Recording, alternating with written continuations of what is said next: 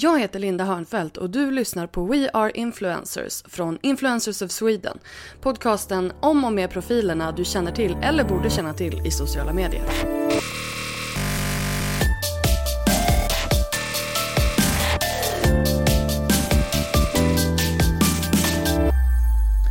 Hallå och välkommen till ett nytt avsnitt av We Are Influencers. Eh, jag vill bara säga några små saker här innan vi går in på veckans eh, intervju. Och det är att jag är väldigt glad och stolt att ni har nominerat oss till Svenska podcastpriset 2016. Och det vore så himla roligt om ni ville gå in och rösta på oss så att vi går till final. Eh, det kan du göra på podcastpriset.daytona.se och sök då på bloggbusiness för att vi är då registrerade, nominerade som bloggbusiness och inte We Are Influencers. Utan bloggbusiness var ju vårt gamla namn eh, och det är så vi eh, finns där under Svenska podcastpriset. Du kan rösta varje dag fram till den 27 november eh, och varje röst är viktig för oss. Tack snälla för att du röstar. I det här avsnittet får du träffa en av bloggosfärens urdrottningar, Mikaela Forni. Mikaela började blogga när hon var 14 år, eh, helt enkelt för att hon älskade att skriva. Hon är nu 27 och bloggen har varit en del av hennes jobb de senaste 10 åren. Jag och Mikaela vi blir rätt nostalgiska kring gamla communities från mitten av 2000-talet och bloggens glansdagar. Eh, och pratar också om Mikaelas nära relation till sina läsare. Och hur det har varit avgörande för hennes framgång att hon har varit så personlig som hon har varit. Nu har hon släppt sin tredje bok, Jag är inte perfekt tyvärr, där hon pratar om psykisk ohälsa. Och för mig så berättar hon om hur det gick till när allt föll på plats för henne eh, på en yogaresa. Och om hur bloggen har gjort henne till en mer välmående människa. Och så får ni ta del av förmodligen den roligaste soundchecken som inträffat i den här podden. Här kommer min intervju med Mikaela Forni.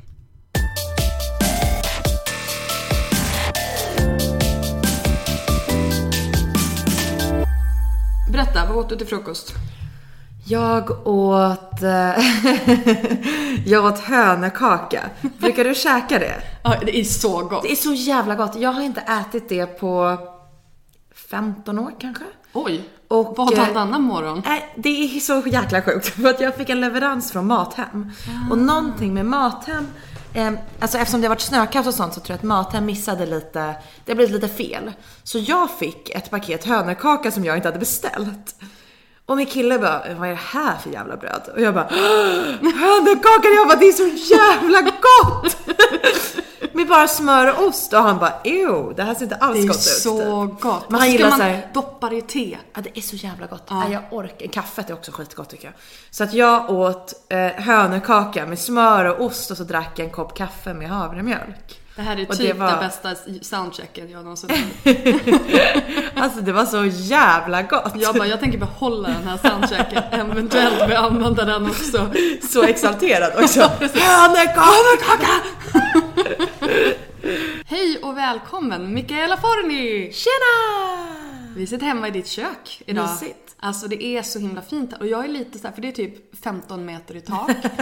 och ändå är det inte ekigt liksom. Nej, Inte så farligt. nej det, det här är ett bra rum. Ja. Och det känns liksom så varmt och mysigt även fast det är så luftigt. Det är inte alla som lyckas med det. Jag eh, är lite lätt besatt av mys. Så det är viktigt Det är en för bra mig. besatthet. Bra besatthet. tycker jag med. Det finns många värre. Så att eh, det är viktigt för mig att det är eh, mysigt Hög hemma. mysfaktor. Först kommer mys, sen kommer att det ska vara praktiskt och sen kommer att det ska vara fint. Bra prioriteringsordning tycker Jag jag. tycker det. Jag gillar också att ni har Influencers of Swedens eh, official color på väggen. I hela sovrummet ja. Representing. Representing. While sleeping. Mycket bra. Men alltså, nu du är ju en av, vad ska jag säga, Eh, urmödrarna till den här bloggbranschen som vi har. Eh, inte för att känna dig gammal eller så, men It's the truth. Um, kan inte, även, fast, även fast det är så, så kanske det finns en eller två stycken där ute som inte vet vem det är. Så kan du inte berätta för dem din, din eh, Det är kul att, det är kul att säga jag är 27 år och ändå så känner jag mig så jäkla gammal ibland. Just för att jag lever Bara, i är en du bara bransch. 27? Ja, jag är bara 27. Inte liksom så, men du har varit med så länge. Men alltså, jag träffade Pim Tegnér som driver Molin och PR. Eh, och så sa jag så här, ah, bla bla bla, ah, det var när jag precis skulle fylla 27 här i somras. Ja, ah, så nu ska jag fylla 27 typ. Och hon bara, nej men va, 37 menar du väl typ? jag bara, va, nej 27. Så hon bara, men jag har ju, du har ju varit på pressveckan, jag har ju sett i den här branschen i liksom 100 år, vad snackar du om? Jag bara, ja jag började blogga när jag var 14. och hon bara, men herregud. Ja men verkligen. På den tiden så började, nu bör- börjar man ju blogga eller vad man nu gör när man är 14, men då gjorde man ju inte det. Precis, och sen tror jag att jag har ändå haft det som heltidsjobb och liksom fått betalt för det sen jag var 16 år. Så på något sätt så är det ju så här. jag har jobbat med det i så himla, himla, himla många år och därför så känns det kanske som att jag är äldre än vad jag är för att jag jobbar i en bransch som är ganska ny. Där de flesta som har varit i den länge då antingen är äldre än vad jag är eh, eller ja, så är det jag. Fast Bella är ju typ i din ålder också, Ja, det är, det precis. Det är typ jag, Bella och Petra Tungården då, min kompis. Ja. Hon har ju också varit med Och Kinsa. länge. Och Kinsa. Ja. Men, men, men trots att du, har, att du har varit i den här branschen så länge så har du bara varit egenföretagare i ett år. Ja, eller så här. Jag startade upp min enskilda firma samma månad som jag fyllde 18. Eh, då bloggade jag ju för Stureplan.se och då var man ju tvungen att liksom fakturera. Så att då startade jag upp min enskilda firma. Så jag firar egentligen snart 10-årsjubileum Mhm. med eget. Det är bara din ny, ny ny sak, Precis. liksom. Det det handlar om är att så här, efter att jag hade kört eget och liksom frilansat i många år så tog jag ju en anställning på Devote inom Stampen och sen senare då på Modern Women Media. Eh, där jag var anställd i nästan fem år tror jag att det var. Eh, och sen efter de fem åren då valde jag liksom att satsa på 100% eget igen. Med liksom en helt ny mognad och erfarenhet i bagaget med ett aktiebolag. Eh, så det känns liksom som, så här, ja, nu gör jag det på riktigt. Men, men berätta från början. 14 bast. 2004 dessutom. 2004. Jag bara försöker räkna ut när du är född då. 89. Min, min matte sådär. Ehm, men eh, why? Hur, hur kom det här sig? Ja, men jag satt på Playahead och sen så dök det upp en annons där det stod starta din egna internetdagbok. Det var då blogg och jag gillar ju att skriva väldigt mycket och skrev ju väldigt mycket i dagboken på olika communities. Så jag startade upp den här internetdagboken. Vart då? Eh, på blogg.se, det var ju den enda stället som fanns. tr- Alltså i Sverige. Sen kanske det fanns Wordpress och sånt avancerat. Men blogg.se var liksom den första bloggportalen som släpptes i Sverige. Eh, Så då startade jag upp den här bloggen och skrev om mitt liv som en helt vanlig tonåring i förorten med allt vad det innebär. För du är från Nacka också? Jag är från Nacka Eller också. också, jag säger också för att jag bor i Nacka. Ja. Så, ja. Eh, Jag är från Nacka. Var då? Så Älta. Mm. Så att det första blogginlägget jag skrev, det hette Djävulen bär Prada, bebisar också. Och det handlade om att jag precis hade sett Djävulen bär Prada var så inspirerad. Och sen skulle jag gå på ettårskalas till min eh, tjejkompis som hade fått eh, barn. Eller min granne, så hon var vuxen liksom. Jag var ju- 14? Nej, inga 14-åringar som fick barn. Hon var väl 25 och fick Ja. barn. Ehm, och då så fick så här, eh, Nadine då, hennes ettåring, fick så här Prada, Bodys och Gucci-skor. Hon hade massa kompisar som bodde typ i London och New York, så det var liksom väldigt flådigt. Och jag blev väldigt avundsjuk och då skrev jag om att bli avundsjuk på en ettåring. Och att det är ganska hemskt att bli det och att man borde verkligen inte bli det. Det är ju ett Men det fantastiskt första inlägg. Det var faktiskt ett väldigt bra Det första satte inlägg. ju liksom verkligen tonen för vart du skulle. För att vem är det som sitter nu med Prada loafers? Så Yay! Släng dig väggen Nadine! precis. I won. Det är jätteroligt. Nej, det har ju verkligen satt, satt nivån. Fortsätt. Eh, nej men så att det började där. Eh, och jag började blogga ganska eh, regelbundet redan från början. Jag tycker att det är jävligt kul att skriva. Eh, och har alltid haft mycket att skriva av mig. Så mellan jag var 14 och typ 16 då körde jag privat dagbok parallellt med internetdagbok. Men jag gick liksom över till att mer och mer skriva i min internetdagbok snarare än i min privata dagbok. För att så här, jag kände väl att det var spännande och kul att lufta mina tankar på något sätt offentligt. Plus att jag var ju ändå under alias. Man, var ju inte, man gick ju inte ut med det? sitt namn, men på den tiden var ju det f- farligt typ. Alltså då var ju internet en farlig plats. Ja, för det är det inte nu. Nej men på något sätt var det ju så här, oj oj pass, det här, Ja, jag ja. hette ju RAR fram tills att jag var 18 år. Ja, just Det var ju mitt blogg-alias liksom. Ehm, så att det var ju så här, ja. Och så bara det här att du kan ha ett, ett bloggalias som är så kort som RAR. Då var man tidig. Precis, när Om det, man lyckades det också få- gick att få överallt. Precis, nu är det så här RAR Blickedum 276.3. Verkligen! Men då vet man att man var tidig liksom. Verkligen. Ja, nej men så RAR bloggade på där i många år. Vem läste? Ehm, tonåringar. Men du fick ut det liksom? Alltså, Ja, så, att, alltså, så att folk läste det var ju inte liksom. så många som bloggade. Så att jag eh, typ länkade via min Playahead så här, nu har jag börjat skriva Ah. här. Och så att jag hade 500 kompisar på Playahead och av dem gick 200 personer in och kollade in min blogg varje vecka. Och 200 läsare räckte för att man skulle komma på topp 10 på blogg.ses topplista.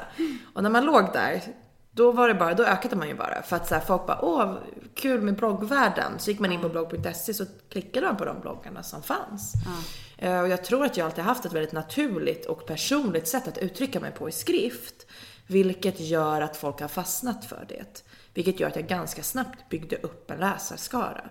Som tyckte att det var kul och härligt att läsa en eh, tonårsblogg liksom.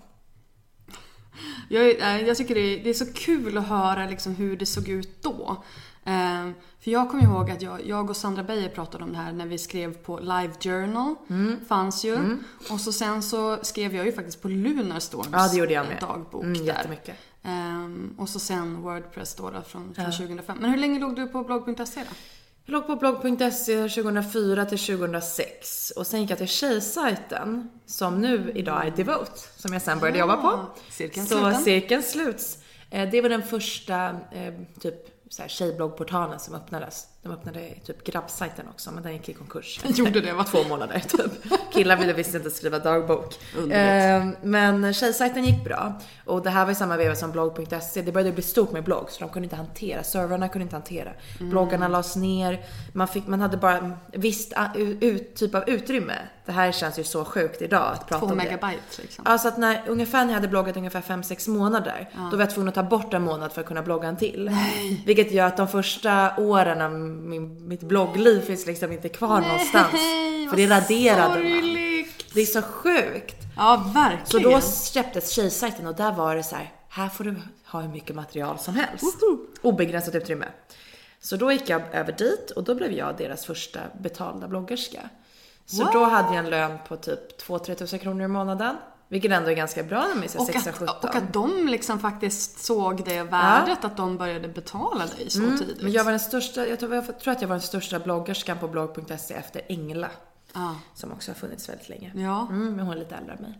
Så att eh, då gick jag till tjejsajten. Och så bloggade jag där några år innan jag gick till Stureplan.se.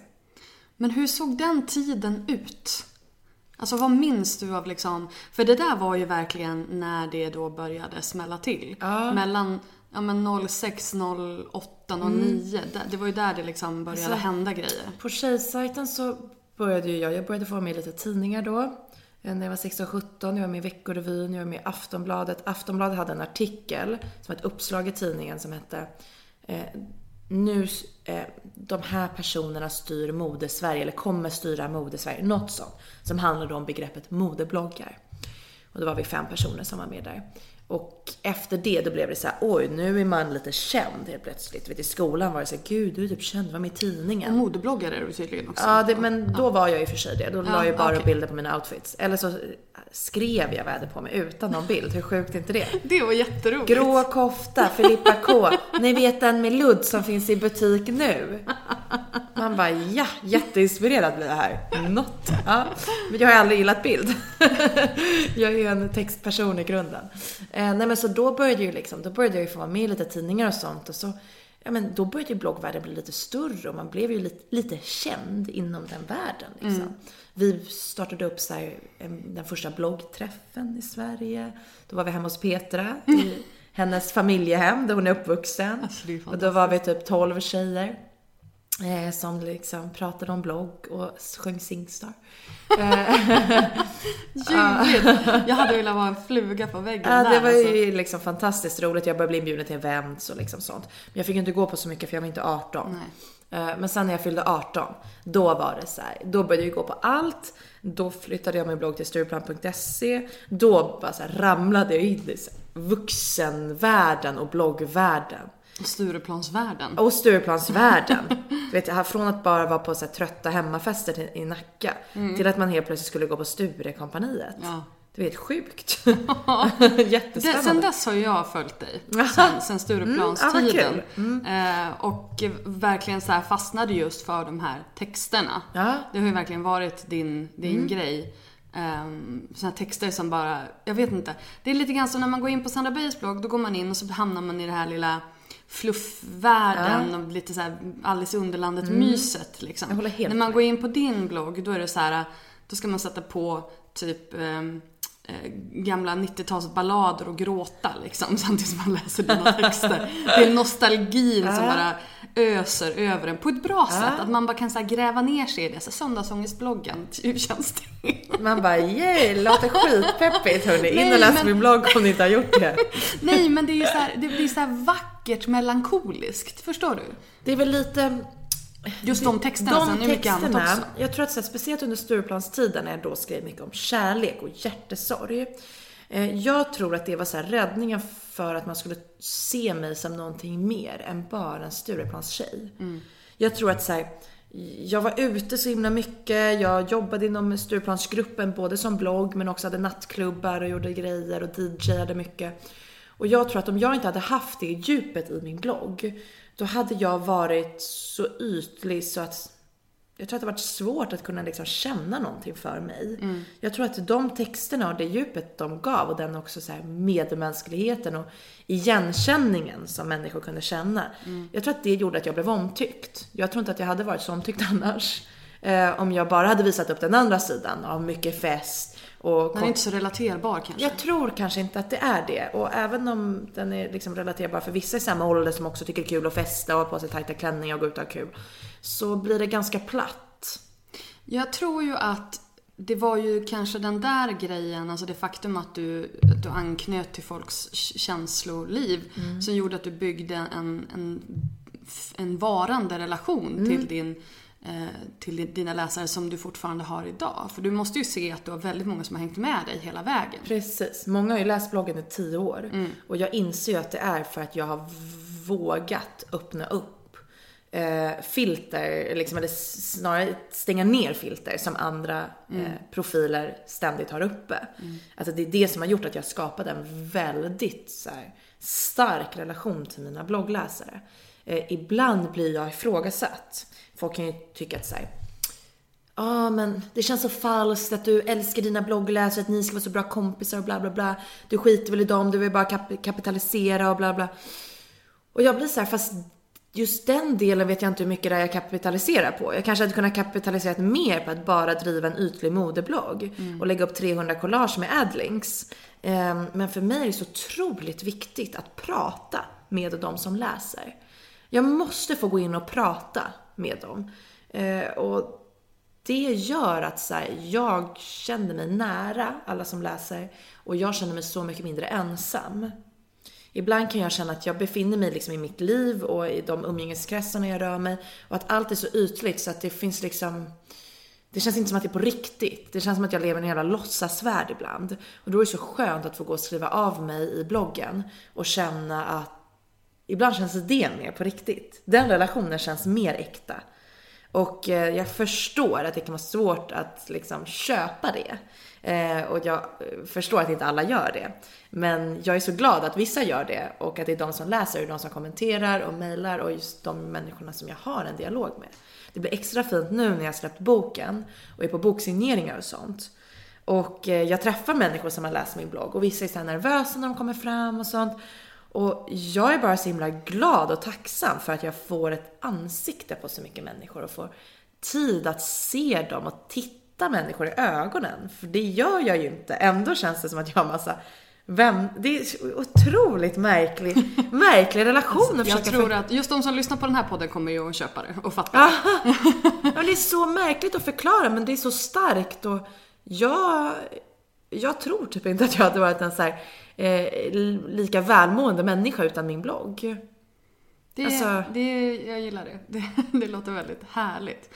Men det, det, och det där, men alltså jag köper ju det där rakt av. För att jag tror ju också att det är ju det där, den där relationen som gör att både de stannar kvar men att du orkar fortsätta Precis. också. För om det bara hade varit så här, för det första, det förtroende som du har det är ju ditt kapital. Mm. Hade inte du haft det så hade du inte kunnat kapitalisera Nej. Mm. som de säger. Men det är ju indirekt, det är ju inte de som betalar. Det är ju annonsörerna som betalar. Mm. Precis. Men det här förtroendet måste ju finnas där för att, Ja. Mm. för att det ska gå att göra. Liksom. Men jag tror ju också att hade, hade dina läsare bara inte läst eller varit elaka hela tiden, då hade inte du tyckt att det var så kul att hänga Så där. är det ju. Att vara så personlig som jag är, det kräver ju att man får stöd tillbaka. Det är extremt eh, jobbigt att inte få stöd när man är så personlig. Om man bara lägger upp bilder på hur man ser ut och sina outfits och någon skriver att man har fula kläder. Du vet, det är så långt borta så det är svårt att ens bli ledsen över något sånt. Det är liksom så otroligt fjantigt på något sätt så att man bara okej, tyck det då liksom. Men när man är så himla personlig och skriver om det man känner och tycker och tänker och funderar över. Och så får man människor som så vill trycka ner en. Eh, gärna så inlindat i silkespapper. Eh, jag har ju ganska många, det är, det är ganska smarta personer som läser min blogg. Som liksom också så stör sig ibland och man märker att de verkligen tydligt vill trycka ner en och få en att må dåligt. Men de ska göra det på ett liksom snyggt sätt.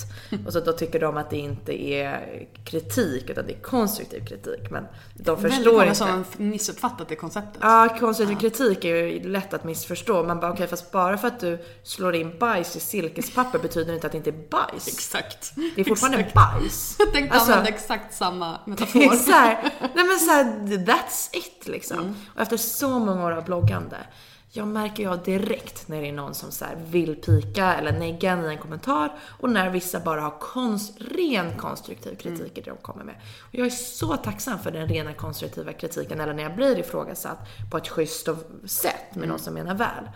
Men just de här som försöker trycka ner en, jag hade inte ens klarat av en sån kommentar om jag inte fick tio positiva på Mm. den.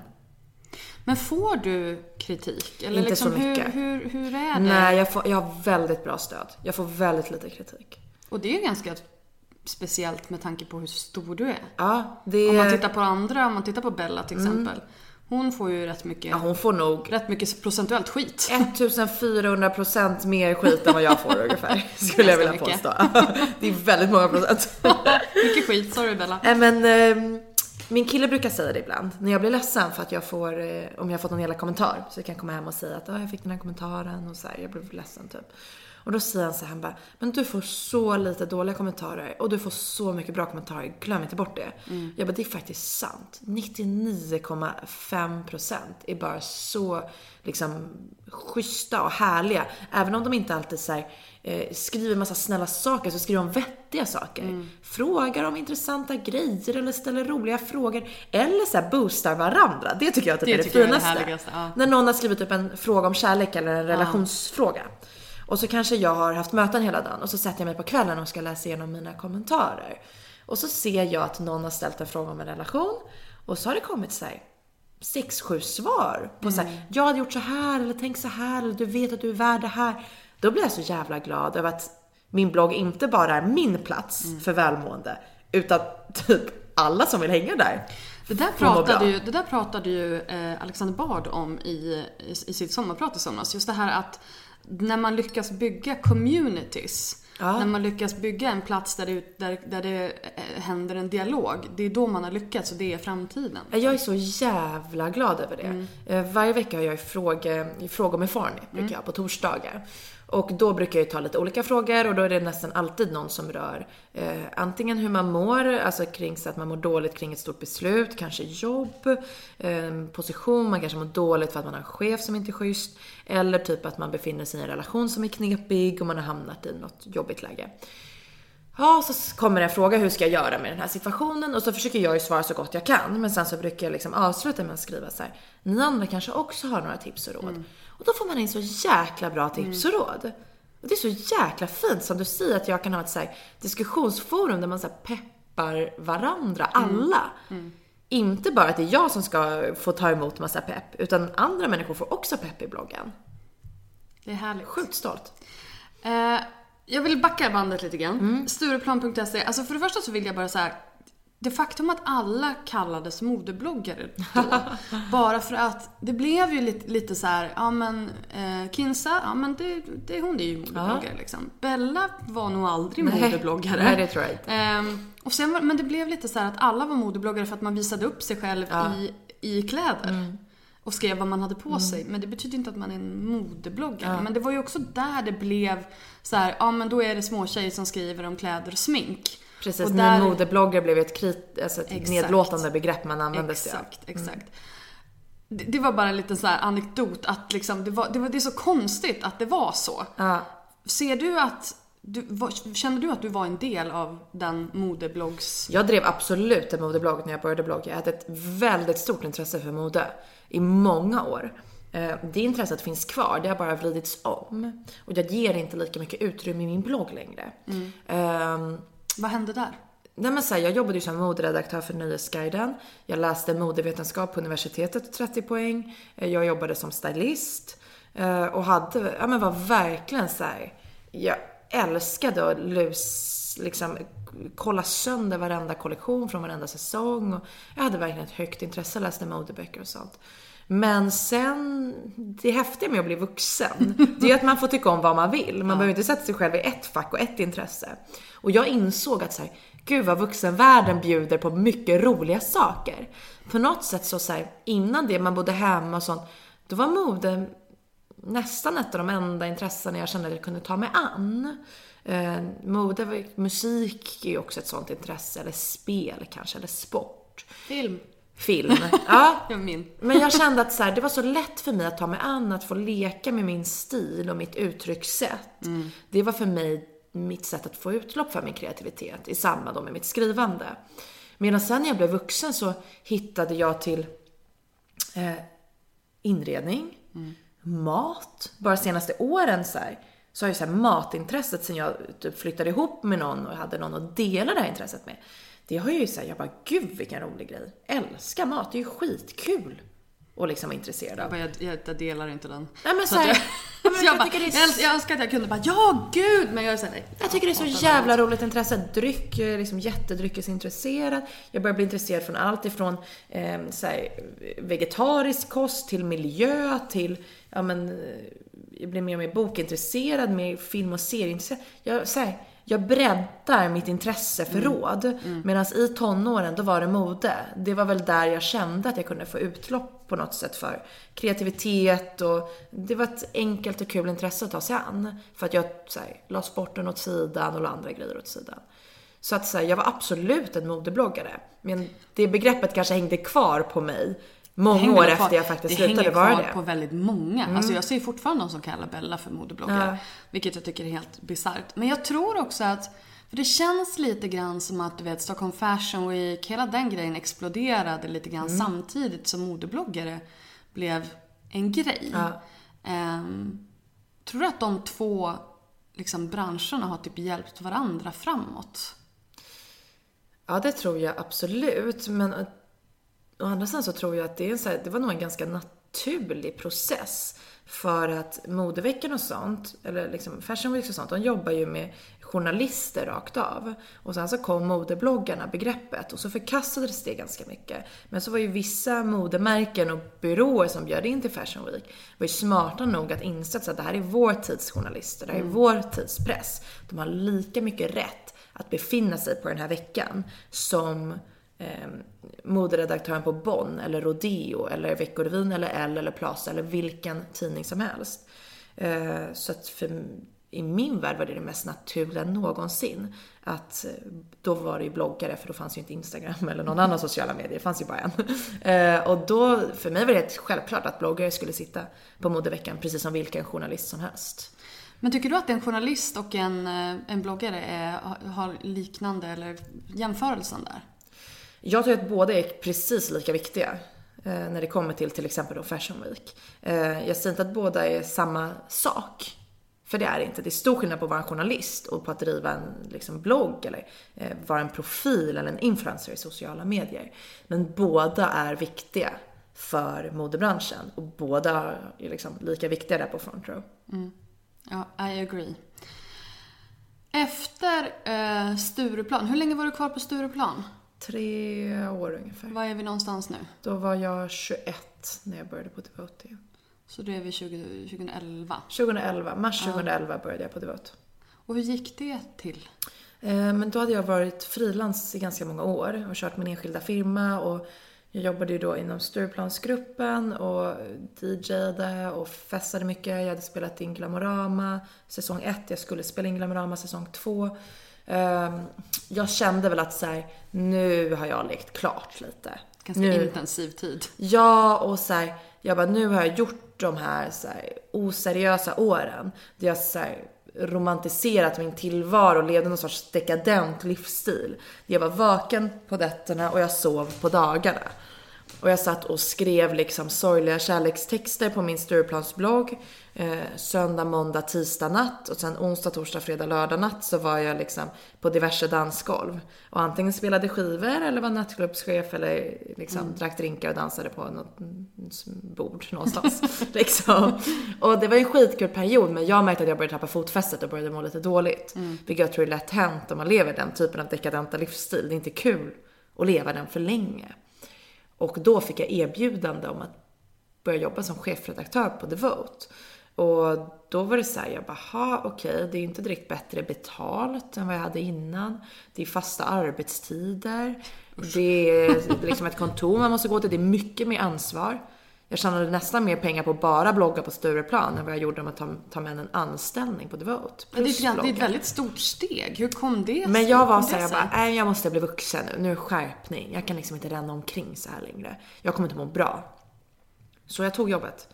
Eh, och jag kände väl också att jag kände mig ganska ensam. Jag hade någon sorts så här, eh, skräck för att jag skulle dö hemma och jag insåg att så här, ingen kommer hitta mig på flera dagar. Sen med katten som ätit upp halva Typ. ansiktet. Nu så jag liksom Är inte jag så förtjust i katter. Men snarare bara att jag skulle ligga där själv död. Och det skulle ta två dygn innan någon ens ifrågasatte så här, vad är Mikaela? Och de första som skulle göra det, det är mina bloggläsare. Hallå! Du har inte bloggat på två dagar, är det okej? Liksom. Vilket också säger ganska mycket om vilket sjukt liv jag lever. Eh, Men då så... Men vilken fin relation du har till dina. Precis, de första som skulle bli oroliga. Men då insåg jag att så här, nej, fan vad jag vill ha någonstans att gå, någon att hälsa på på morgonen när jag vaknar. Någon som undrar vad jag är. Någon att äta lunch med, någon att ha fredagsfika med. Jag saknade rutiner. Eh, och det var jättekul att få det när jag började på Devote. Jag var liksom, jag tror till och med att jag gick in på toaletten och fällde några tårar första fredagsfikat. För jag tyckte att det var så mysigt. Vad härligt. Som jag sa innan när du och jag pratade så är jag ett fan av mys. Ja, precis. så att jag tyckte att det var så härligt att få vara en del av någonting. Jag tror att vi människor har ett jättestort behov av att eh, känna oss delaktiga i någonting. Håller helt med. Som på något sätt kan hjälpa samhället oavsett om det är välgörenhet eller en organisation eller en skola eller... Det är därför jag är så här, jag har alltid varit så här, hoppa inte av skolan, liksom se till att göra någonting. För jag tror att det är så viktigt för att vi ska känna att vi så här, tillför någonting till den här jorden. Det där kan jag tycka är en av de jobbigaste sakerna med att vara eh, egenföretagare, entreprenör. Mm. Det är just den här ensamheten. Eller Precis. liksom ensamheten slash allt ansvar ligger på mig. eh, ansvaret har jag väl inte jättestora problem med, men jag skulle gärna vilja bolla det ibland. Alltså ibland när man känner att okej, eh, jag har det här beslutet och det här beslutet. Jag kan gå dit eller dit, men och jag vet inte vad jag ska göra. Och, och då ska jag bara komma på det i mitt eget huvud Ja, alldeles det är själv. hemskt. Utan att liksom få ut det och ha någon att liksom... Den sitter du på ett större mediebolag, då, går du bara, då sitter du i det öppna landskapet. Sen så bara, är det någon som har fem minuter? Jag skulle behöva bolla den här kampanjen, eller jag skulle börja behöva bolla den här artikeln som ska ut, eller hur ska vi presentera det här, eller jag har en ny marknadsidé. Vi, vi kollar om någon tycker den är bra. Liksom. Hur var det jobbet då? Förutom... Eh, Svinroligt. Fy fan vad roligt det var. Vi hade så kul. Jag hade så kul från början till slut. Ehm, och vad innebar det? Vad innebar jag var det? chefredaktör på Devote och sen efter ett par år så blev jag befordrad till vice VD på Devote. Och sen så köpte Stampen då som ägde, eller äger Devote, köpte också Rodeo och då blev jag vice VD för Stampen Fashion Media. Eh, det var jättekul. Första två åren, så var, eller tre till och med, så var vi ett tajt litet team. Vi var liksom fem, sex personer som satt och byggde den här hemsidan. Och Devote liksom hade besöksrekord varje månad. eller varje vecka och det gick bara bättre och bättre. Det, vi fick in roligare och roligare personer, vi byggde, utökade magasinet, vi liksom drev ett så här välläst digitalt magasin. Jag fick så mycket utlopp för min kreativitet. Eh, jag fick eh, känna att jag presterade. Jag fick utmana mig själv. Jag hade en VD som var så duktig och hjälpte mig så mycket med att liksom våga utmana mig själv. Eh, jag kan ju ibland liksom förkasta vita medelålders män. Men han var en vit medelålders man som gjorde allt i sin makt för att vi unga kvinnor också skulle få göra vår röst hörd. Eh, och det var jag De så finns. tacksam Det var jag så tacksam över. Du vet, man går in i ett möte med andra vita medelålders män och de tror direkt att jag är så assistenten och frågar om jag kan hämta kaffe ungefär. Och då var min VD alltid väldigt noga med att se till så att han kunde nästan så lägga över alla beslut på mig bara för att mm. de skulle förstå att så här, hon bestämmer, punkt slut. Mm. Så att ingen skulle så här, prata över mig någonsin. Det var jag så tacksam över. Det gav mig mod eh, och tro på mig själv och att jag lärde mig jävligt mycket. Eh, så det var roliga år. Mm. Och vad, vad hände sen? För nu, du lämnade ju där för, för ganska precis ett år sedan. Precis. Så blev mm. du ju egen -huh. igen. -huh. Och vad, vad, hur tog du det beslutet? Nej, men då kände jag väl, eh, precis som jag hade känt när jag började på Devote, att jag var trött på att liksom köra min egen grej, så kände jag efter fem år att nu är jag trött på att jobba i team. eh, jag har lärt mig det jag behöver lära mig. Jag har skaffat mig erfarenheter. Eh, jag får känna på hur det känns att jobba för en stor mediekoncern. Jag har så mycket liksom lärdomar med mig för att med liksom rak rygg och hög tro på mig själv kunna starta upp mitt eget och göra det en period. Mm.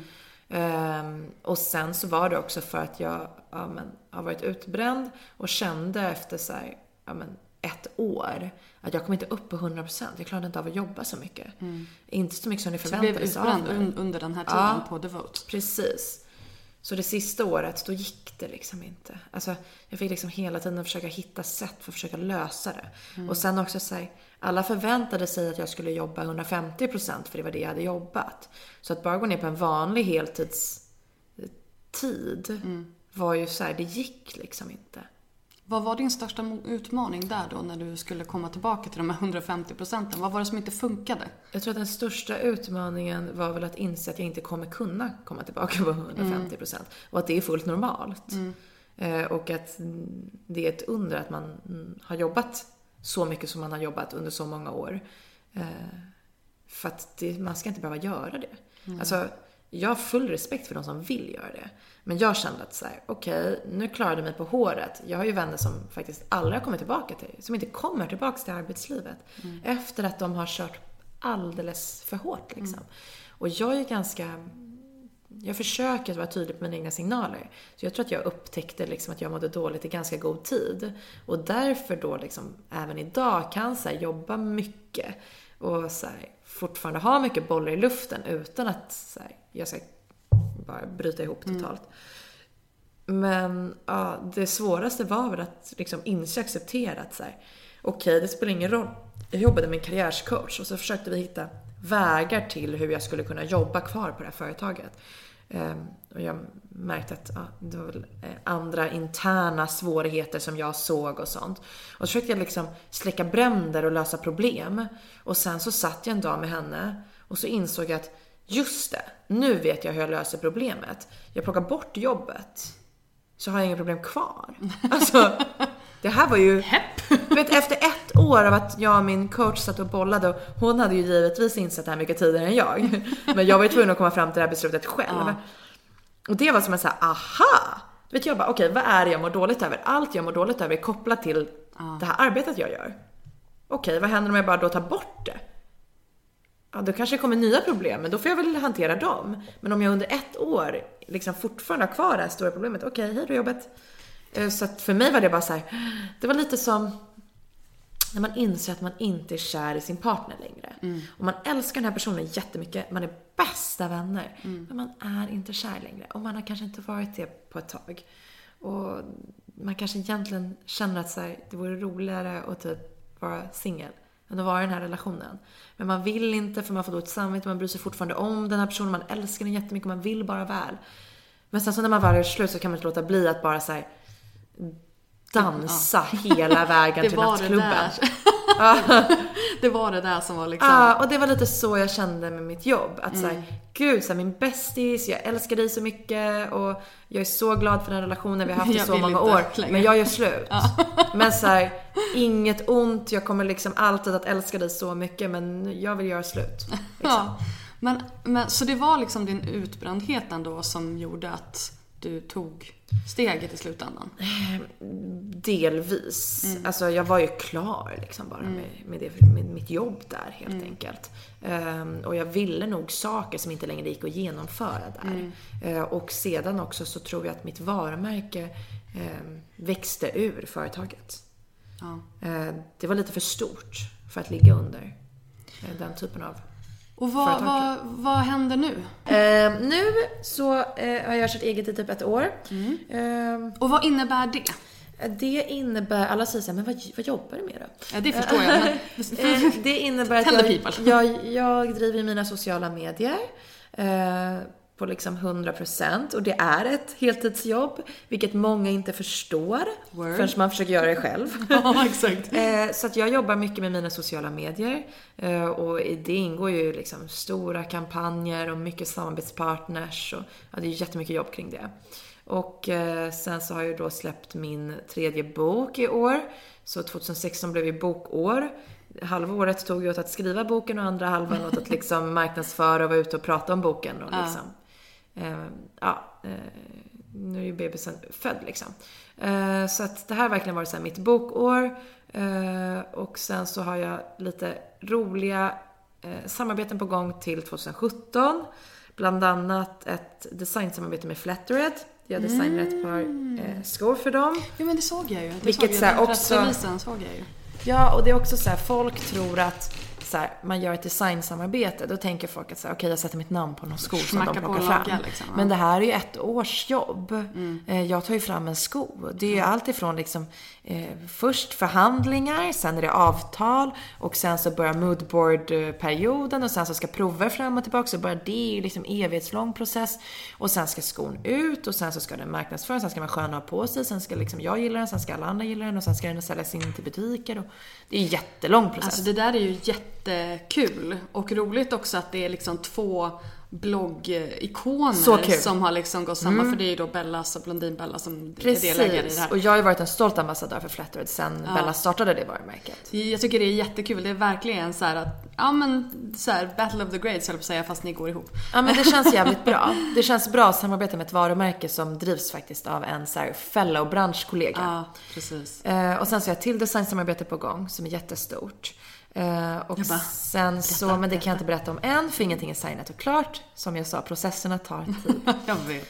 och sen så eh, är ju Affärsängel i Businesspodden. Ja, det där har jag ju. Jag har lyssnat på dem. Inte, inte alla, men jag har lyssnat på några. Ja. Och hur är det? Det är ju liksom så att, att, du, att du nu är... Alltså jag vill ju bara säga det faktum att du har byggt en så stor business utifrån ditt eget varumärke att du kan nu investera pengar Det är fett coolt. i, i, i liksom andra. Det är ju sjukt coolt och det betyder också att det finns du har ju tjänat sjukt mycket pengar på det här. Ja. Vilket i sig är, så, är så ballt. Ja. Eh, men, men berätta om Businesspodden Ja, men det är jävligt coolt. Alltså, jag gästade i Businesspodden. De har ju liksom en gäst varje vecka som är någon typ av medieprofil eller någon person som jobbar i mediebranschen. Oftast.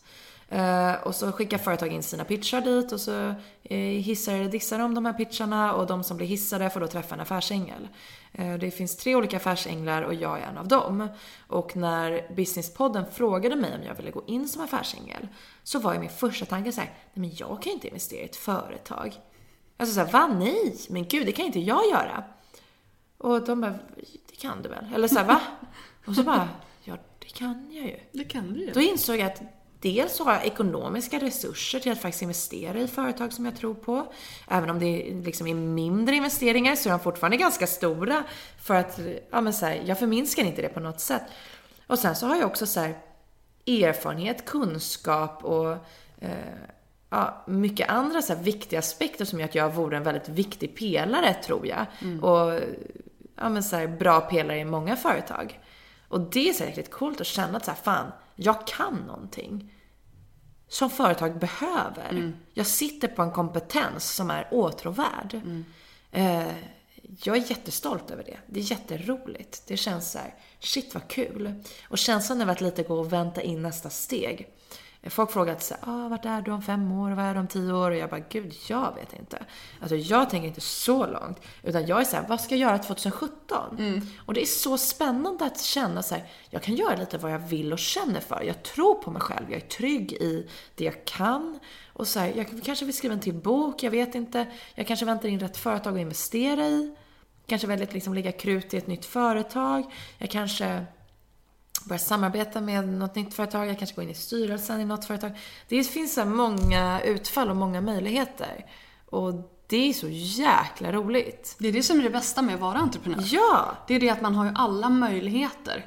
Eh, att liksom skapa den vardag man vill och satsa på de, de sakerna som man vill. Ja, alla bara gud vad hände 2017? Jag bara oj oj oj, nej men först gör här boksigneringarna här i december. Sen, sen tänkte låt jag... mig bara få bort det här året Ja. först, sen kan vi liksom... Sen tänkte jag åka till Indien och yoga i januari och sen får vi väl se liksom. Ja, det låter ju som en Lugn. trevlig januari. Precis. Härligt. Lugn, en sak i taget. Ja, precis. Låt mig återkomma när hjärnan har startat om i och med För, ja, yogaresan. men så här, jag tror att alla entreprenörer jobbar på olika sätt och det är det som är kul med att köra sitt egna race.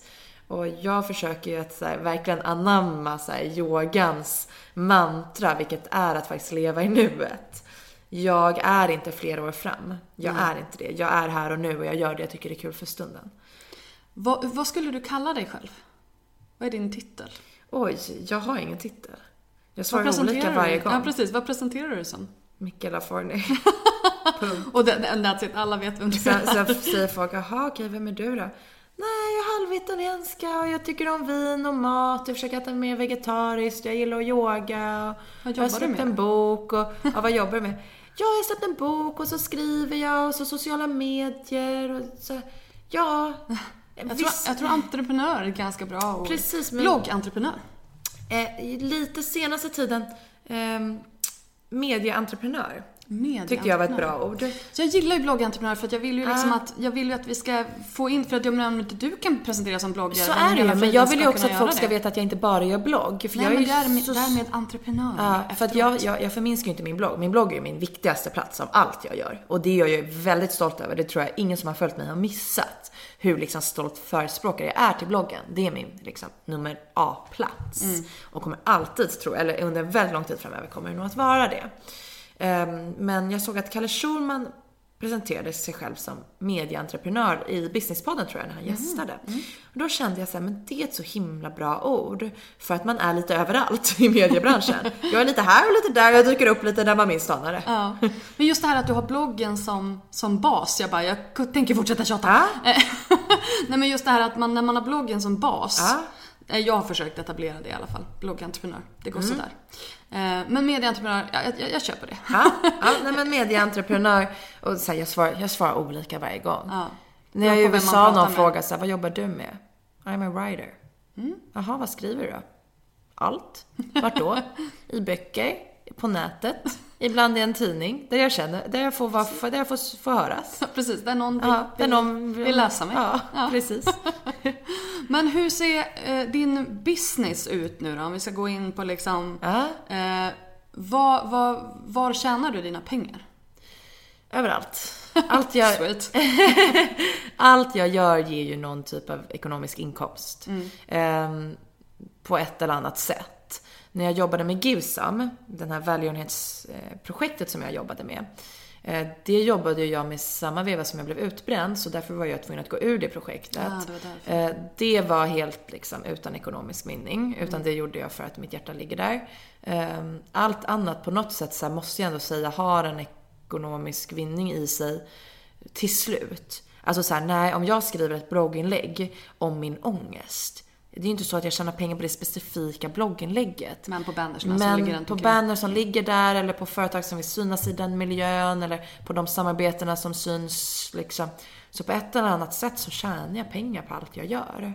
Sen Du det- ligger ju hos Tailsweep. Precis. Eh, och de säljer liksom banners på din blogg och sådär. Säljer de också in dina samarbeten?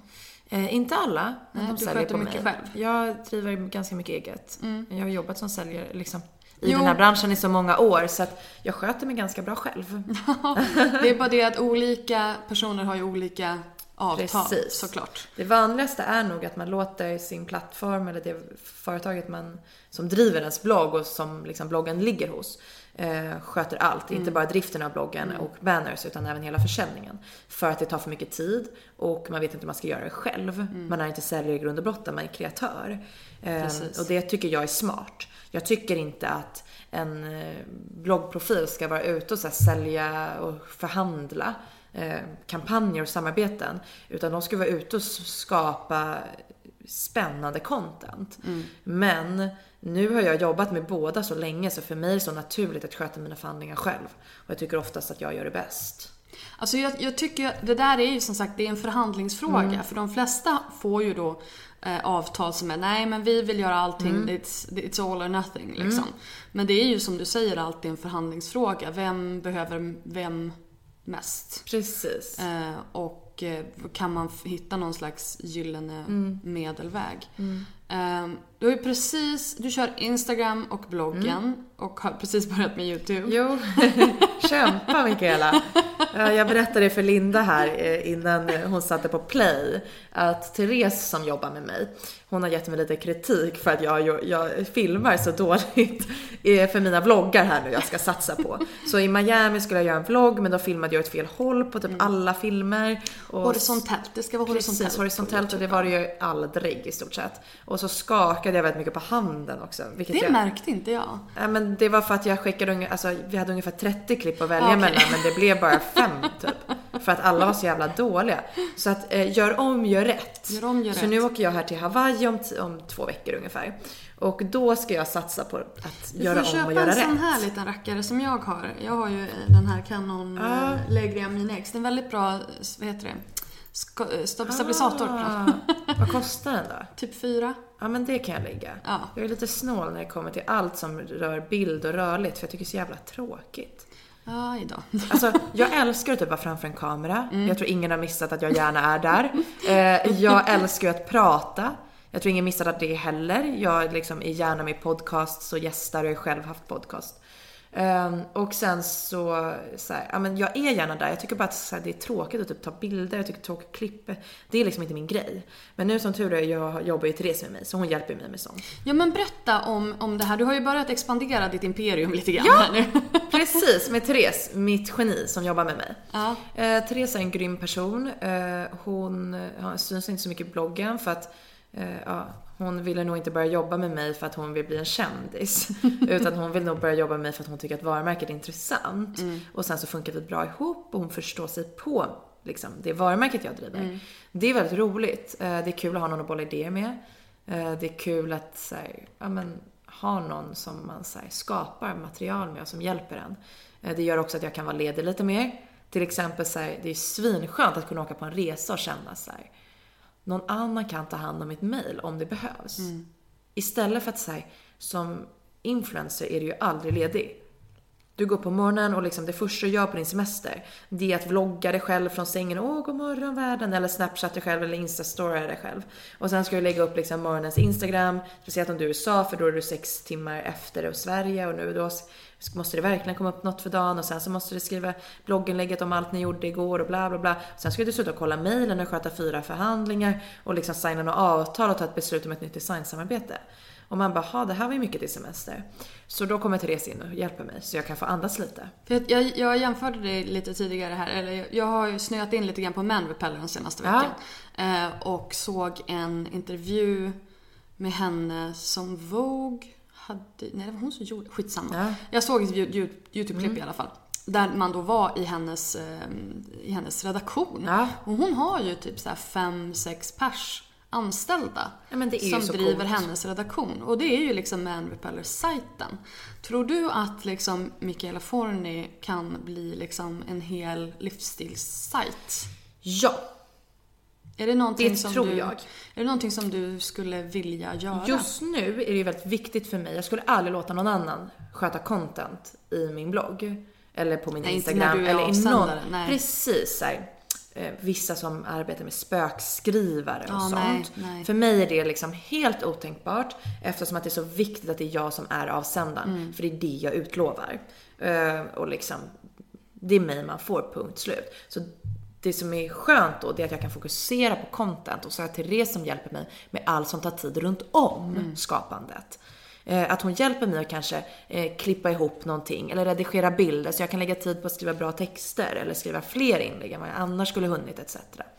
Eh, hon sköter administrativa grejer och bokar upp möten och har kontakt med personer och hjälper till mycket med strategi och statistik och har kontakt med mina samarbetspartners och sånt. Allt det där fyrkantiga. Precis, och det är liksom väldigt skönt. Så att du kan är- vara fluffig och rörlig. så att jag får vara i det kreativa. Ja. Men jag har ju absolut någon typ av idé för att för mig, Forny.se är mitt L. Alltså på något sätt så, så här, eh, jag ser ju det som mitt, mitt egna L-magasin. Ja. Det är lite aktuellt, det är lite inredning, det är lite modereportage, det är lite skönhetssida, det är lite artikel, det är lite resereportage eh, och horoskop. Eh, så Ja, att så här, älskar. Jag skulle vilja se du gör en YouTube-video, du sitter där med dina, dina kort liksom. vem vet? Jag kanske går till någon Nästa spådam å månad, andra sidan. Nej men så här, det är ju så jag ser Forny.se. Och idag är ju jag personen bakom allt det.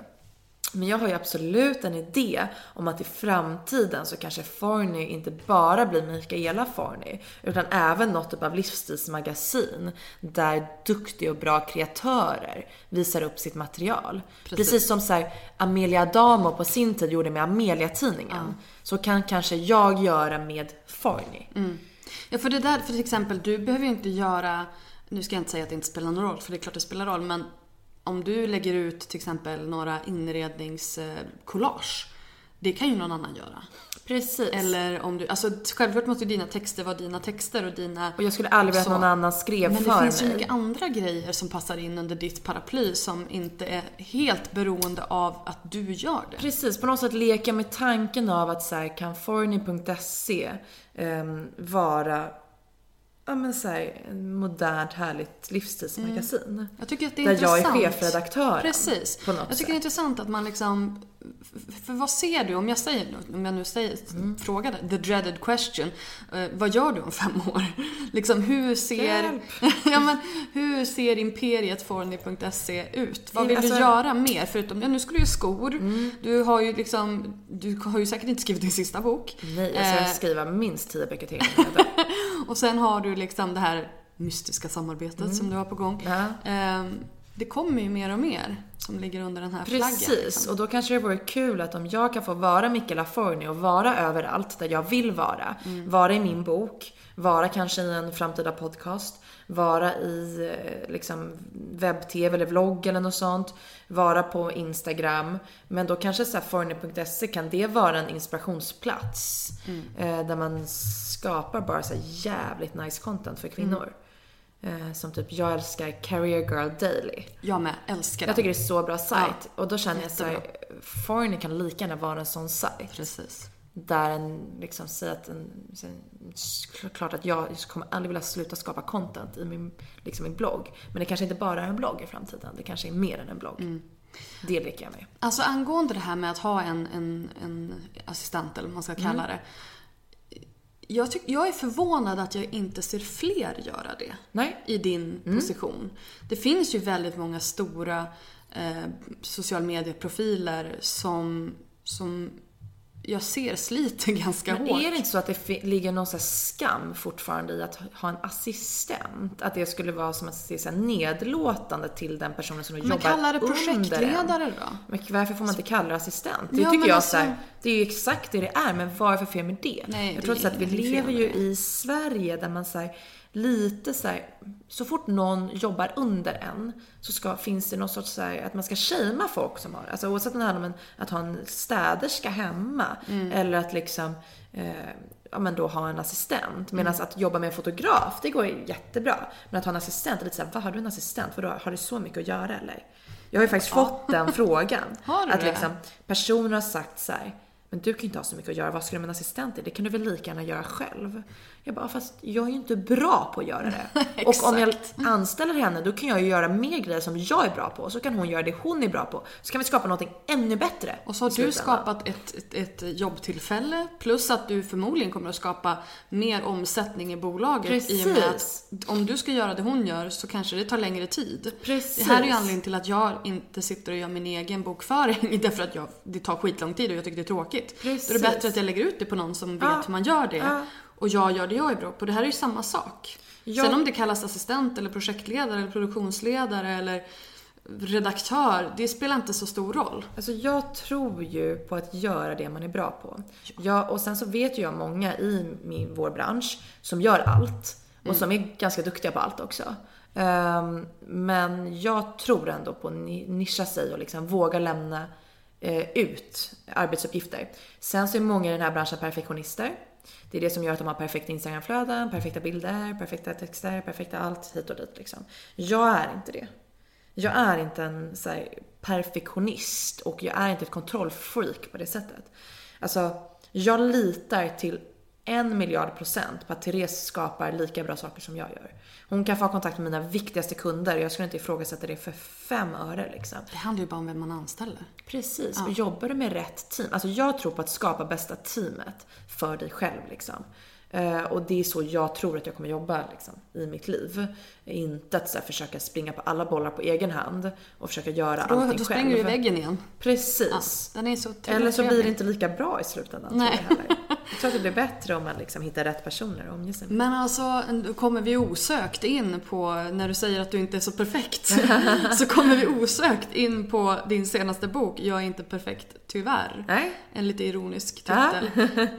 um, Alltså, nu har inte jag läst den här boken för att jag fick den idag. Ja, men du har med dig den. Ja, men jag har med den så jag ska få den signerad. Mm. Um, men eh, jag har ju jag har läst om den och jag mm. har ju lyssnat på andra intervjuer mm. med dig om den. Mm. Men kan du inte berätta, hur kom det sig att det blev just den här boken? Jag skulle skriva en bok om ångest. Punkt liksom. Peppen. Eh, inte så peppigt. Nej. jag skulle skriva om att vara i ångesten.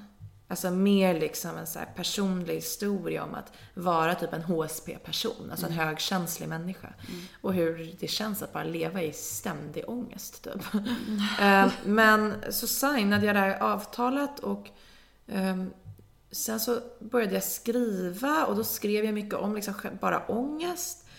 Och sen så insåg jag när det liksom hade gått ett halvår eller någonting att så här, jag inte är i ångest för att jag under liksom en lång period, men på något sätt så här, jag var i Costa Rica på yogaresa och det var som att någonting lossnade när jag var där. Mm. Jag kunde så här, backa ut ifrån allting och inse att så här, okay, allt jag har jobbat med senaste typ ett åren, nu är det två åren, eh, men liksom, då hade det gått drygt ett år. Jag bara, okay, allt jag har jobbat med här nu i typ så här, ett och ett halvt år eh, har haft en anledning. Nu är plötsligt alla pusselbitar på plats och jag har typ börjat så här, hitta välmående. Men det tog ett tag innan allt bara lossnade. Jag, liksom, jag gjorde olika grejer för att här, försöka få må bra, eller må bra. Men så mådde jag inte riktigt bra och sen helt plötsligt så stod jag en djungelkoja i hunden och insåg att så här, nu mår jag bra. Och stanna där. ja, men du vet, jag bara shit, jag har hittat välmående. Jag har hittat knepen. Och på den resan så skrev jag halva boken. Wow. Alltså det var som att jag bara såhär, wow, jag har hittat det. Jag måste, allt det här måste ner liksom. Mm. Och jag bara skrev som en galning. Så mellan yogapassen, typ fem timmar om dagen, så att jag bara skrev. Medan tjejerna var sol och badade på stranden. Och det var så här, det blev liksom någonting annat. Det skulle, boken skulle vara så mörk. Istället så tog jag de här kapitlen jag hade skrivit under hösten. Som då handlade om så jobbiga grejer.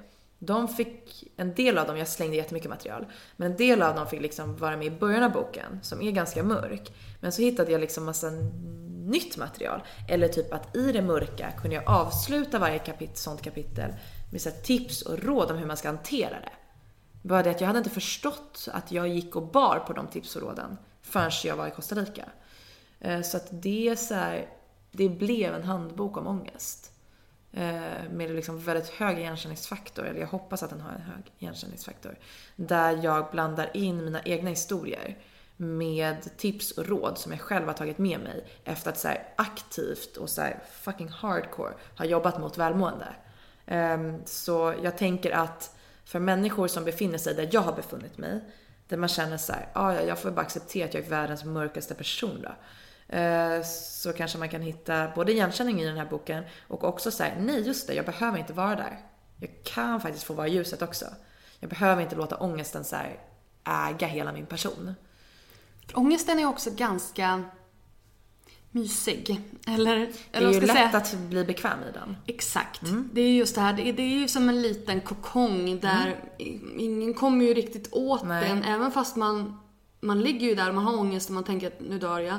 Så är det ändå ganska så här bekvämt för man behöver inte ta tag i livet. Man kan skylla på den hela tiden. Ja. Jag har ångest, jag orkar inte, jag mår dåligt, ingen förstår mig. ja. Liksom. Och så går man och pratar om att ingenting hjälper och bla bla bla. Men frågan är hur mycket har man då försökt? Och det insåg jag att jag bara, gud jag har mått så dåligt under liksom 25 år av mitt liv typ. Alltså jag har haft ångest sedan jag var tre år typ. Vilket jag också skriver om i Jobbigt boken. barn. Jag skojar eller? Alltså mina föräldrar har inte haft det lätt. Alltså jag är extremt ångestfylld. Så att jag skriver ju om boken, då skriver jag om Jag tänkte fråga det, var kommer det här ifrån? Men men jag bara är sån här. Jag är bara ångestfylld. livmodern liksom. Precis, alltså det är nog bara så här, jag är en sån person, liksom väldigt högkänslig. Så jag skriver om, första ångestgrejen skrev jag då var jag tre, sex år i boken. Eh, när jag går på eh, kalas och jag snor en docksko. Ja, och jag känner skam för första gången. Du får se när du läser. Ja. Ehm, nej men jag har nog varit så ganska bekväm i den och på något sätt känt att så här, jag bara är så här. Och folk fattar inte och det är så jobbigt och liksom. Men sen så insåg jag när jag var där i Costa Rica att jag bara, fast jag har ju inte på riktigt tagit tag i det. Alltså jag har ju bara letat kortsiktiga lösningar. Åh, jag mår dåligt, jag går ut och festar. Åh, jag mår dåligt, jag köper nya skor. Åh, jag mår dåligt, jag spontanbokar en resa. Åh, jag mår dåligt, jag träffar upp lite kompisar på en brunch. Alltså det är bara hela tiden så korta, kortsiktiga lösningar. Jag har aldrig så backat bak och försökt här lösa problemet. Ehm, och det är också därför jag har mått dåligt så mycket längre än nödvändigt.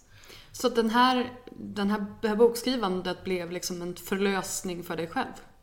på något sätt så hade nog förlösningen liksom skett innan. Eller hade processen hade nog skett innan. Jag förstod det bara inte förrän jag typ började aktivt skriva. Eh, Så först liksom gick jag igenom en period av så här utbrändhet och prestationsångest där på något sätt så allt exploderade. Det var liksom, ja. Och sen så gick jag igenom en process, jag försökte hitta mig själv efter det.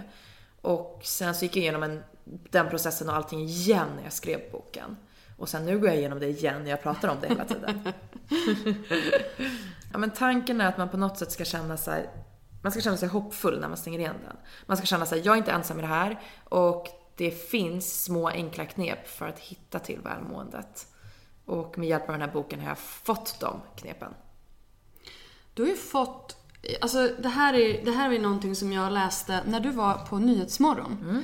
Så var det en man, en medelålders, vit medelålders man, som skrev på Twitter. Har du hört det här? Nej. Nej. Det var en vit medelålders man som skrev på Twitter att han tittade på dig och han jobbade dessutom på Sveriges Radio. Det här har blivit en grej i vår Facebookgrupp, alltså Influencers of Swedens Facebookgrupp. Ja.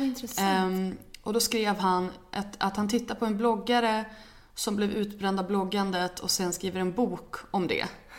eh, jag kräks, typ skrev han. Och det här gjorde så många av mina medlemmar upprörda så att de har alltså de har alltså gått i mobb mot honom i, i ditt försvar och eh, typ mejlat Sveriges Radio, eh, Twitterbråket med honom och eh, därför att han fattade ju verkligen inte grejen. Nej men det är ju jättepinsamt för Sveriges Radio att Ja, ha en anställd person hos dem som uttrycker sig på det här sättet. Japp. Offentligt. Japp. Jag hade gjort mig av med den personen direkt. Ja. Eh, men har du fått liksom några sådana reaktioner? Eller har folk liksom...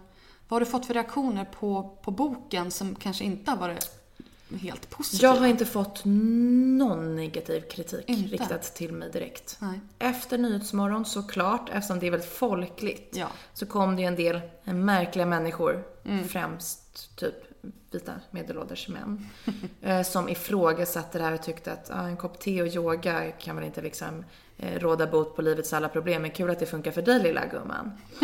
Då tänkte jag så har du provat? Eh, och ja, jag, För mig är det så jävla löjligt så jag har svårt att ens ta illa vid mig. Alltså jag känner så här, men suck.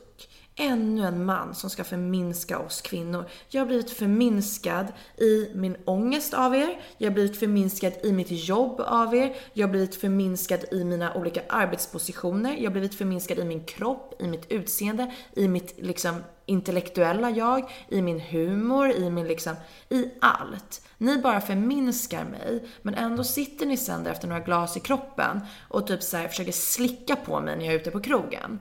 Alltså på något sätt så säger fy fan för er. Alltså jag bara såhär, åh, ni är så jävla oviktiga. Alltså såhär, ni är så oviktiga. Så jag orkar inte lägga energi på en enda man till. Word. Jag ville, nej, jag, jag, så jag håller helt med dig. Jag ville bara säga det för jag tyckte att det någonstans var en fin reaktion från de som slöt upp bakom dig. Och bara så här. Alltså du, du har ingen aning vad du pratar om, håll käften. Men så är det ju ofta och det får man ju, vi får ju vara jäkligt tacksamma att vi lever i en tid och en period där så fort det här sker, att någon man ska på något sätt så här, ifrågasätta unga kvinnor eller klanka ner på oss, eh, där blomstrar ju feminismen. I det så blomstrar ju vi kvinnor. Och i det så kan man ju väldigt starkt känna systerskap. Ibland kan man ju känna att systerskap fattas i konkurrens eller kvinnor som liksom konkurrerar med varandra eller tävlar mot varandra. Men så fort något sånt här händer, då känner man väldigt starkt att så här, eh, jag har ett starkt systerskap som alltid kommer backa upp mig. Eh, och det här är vad feminism handlar om för mig liksom. Jag håller med. Angående alltså, systerskap i bloggbranschen. ehm, det känns som att det har gått lite upp och ner. Ja. Och det känns ju som att det har varit en del fejder bloggare emellan. Hur är din erfarenhet där från liksom, när du började tills nu? Jag håller nog med dig om att det går upp och ner. I perioder. De perioderna kan vara väldigt, eller så här, också från situation till situation och från tillfälle till tillfälle. Ibland kan jag känna en ganska tydlig konkurrens från vissa och ibland känner jag bara att vi backar och att det finns ett starkt systerskap. Eh, sen finns det ju en del grupperingar och eh, ja, olika personer som stöttar eller känner rivalitet gentemot varandra. Eh, Men så här, det är väldigt upp och ner, svårt att uttrycka mig om det konkret. För att jag har ingen konkret åsikt om det. Ibland känner jag mig extremt uppbackad av min bransch i det jag gör. Och ibland så känner jag en besvikelse över att, jag, liksom, att man inte stöttar varandra på det sättet som jag tycker att man borde. Jag tycker att det är så sjukt viktigt att vi backar varandra. För det här, är, det här är den första mångmiljonbranschen som vi kvinnor har byggt from, from the ground up. Och det måste vi ta hand om. Det måste vi värdera mellan oss själva och faktiskt pusha varandra. Därför att vi har, vi har fiender hos de här vita medelålders männen eh, främst. Ehm, och vi har liksom, där har vi tillräckligt att, att fightas emot. Så vi måste hjälpa varandra och pusha varandra framåt och lyfta varandra. Ehm, för att det här är för viktigt. Det här är för unikt. Ja, jag håller helt med. Tack. Alltså så här, ingen input på det där. Word. Eh, du, eh, nu har vi pratat över en timme. Jag tänkte att vi skulle börja runda av. Det är superintressant samtal. Eh, men jag vill ha så här, dina tre bästa tips för att bli som du.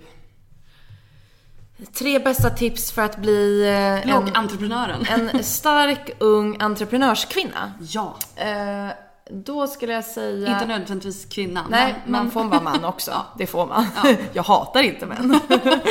Ehm, Då skulle jag nog eh, säga att ett av tipsen är att våga. Eh, verkligen så här, våga fråga. Är en sån sak som är så här, du kommer fan ingenstans om du inte vågar fråga. Jag frågar om allting hela tiden. Och jag har varit en människa som är ganska rädd för att göra bort mig i mitt liv. Och haft ganska svårt för att våga fråga i mitt liv. För jag är så rädd att någon ska skratta åt mig eller tänka så här, men gud vet du inte det här? Eller eh, det här tänker jag inte svara på. Eller haha, eller så här, för Jag vet inte vad jag har tänkt. Och sen har jag insett när jag har börjat våga fråga att det är inte så många som skrattar åt mig för att jag inte vet. Utan de flesta svarar mer än gärna på det man vill fråga om. Så våga fråga. Eh, och sen så är tips nummer två, omge dig av rätt team som vi pratade om innan. Det är så viktigt att bygga rätt team runt om dig. Eh, och sen så är nog tips tre, eh, tävla bara med dig själv. Jag tror att en stor bov för oss kvinnor är att vi jämför oss. Vilket jag tror är jättebra, kan vara jättebra för att det skapar driv. Den här kvinnan gör det här, eller den här personen gör det här och det här.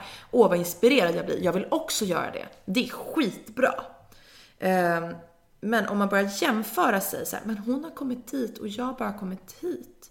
Eller han har kommit till, gjort det här och det här vid den här åldern och jag är vid den här åldern och har bara gjort det här och det här. Då tror jag att man bara sänks. Då tror jag att liksom man kvävs snarare. Eh, Medan om man bara tävlar med sig själv och tänker så här, var vill jag komma? Vad tror jag på? Vad är rimliga mål för mig? Eller vad är de här stora drömmarna? Vart vill jag komma i mitt liv? Då tror jag att det både blir lättare och roligare att nå dit. Så, så här, tävla med dig själv, inte med andra. Eh, försök att inte jämföra dig. Eh, inspireras av andra och liksom eh, ta dig an den drivkraften. Ehm, och sen så våga fråga och omge dig med rätt team. Det blev typ 17 tips. Jättebra. Stopp! Tack snälla Mikaela för att du var med. Tack Linda, vad mysigt det här var.